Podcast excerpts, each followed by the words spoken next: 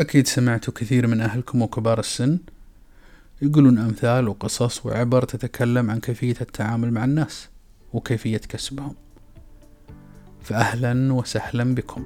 في بودكاست زاوية وملفنا اليوم بعنوان التعامل مع الناس.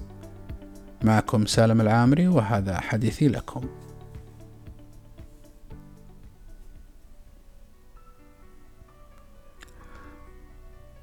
طبيعة الإنسان وشخصيته تتكون عبر مضي السنوات وكل ما كبر الإنسان كل ما كسب صفة جديدة.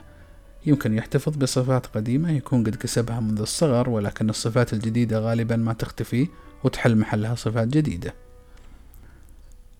كل هذه الصفات تعتمد في كسبها على البيئة والأشخاص من حولك ومدى تأثيرهم عليك. فمن الصعب مثلا أن تعرف شخصية إنسان وأنت ما عاشرته إلا فترة بسيطة.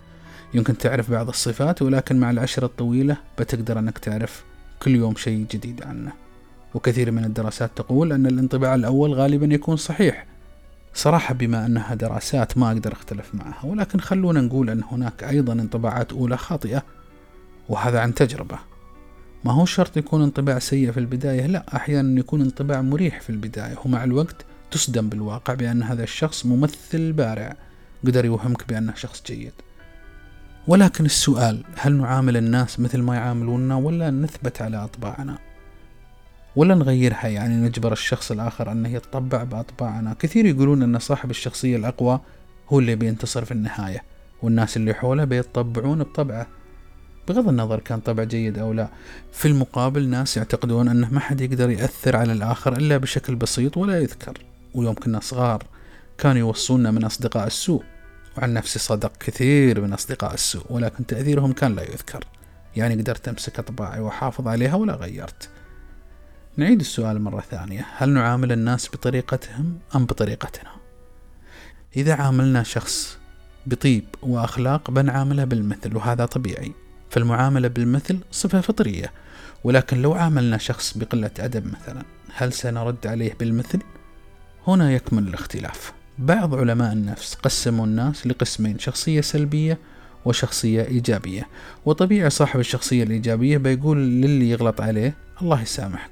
وهذا الشخص الإيجابي غالبا يوصف بالضعيف ولكن اللي يرد الإساءة بالإساءة. هل يعتبر سلبي؟ في رأيي لا ولكن غالبا يوصف بالقوي والمخيف.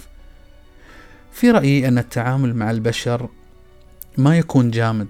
ولا ثابت ومن الخطأ أن نضع خطوط عريضة ونتبعها ونقول هذه أطباعنا ما بنغيرها بسبب فلان أو فلان. وأشوف أن الصحيح أن لكل مقام مقال فالتعامل مع الأهل يختلف عن التعامل مع الأصدقاء والتعامل مع الزملاء يختلف عن التعامل مع الأقرباء. يعني هناك شخص إذا أساء لي احتمال أسامحه ولو جتني نفس الإساءة من شخص آخر يمكن أرد له الإساءة. مهما حاولنا أن نضع قوالب أخلاقية ما نخرج منها ما بنقدر. لأننا في النهاية مجرد نفس بشرية تتأثر بما حولها وفيها مزاجية. خلاصة الحديث في زعمي أن الإنسان السوي والطبيعي مرن للغاية في كل تعاملاته ولا بد أن يدخل المنطق في أغلب تعاملاته. وما هو شرط يكون كل تعامله مع البشر ضمن ضوابط بل يقدر يقدر الموقف. من جميع النواحي وبعدها يتخذ قراره بكيفية التعامل مع الطرف الآخر.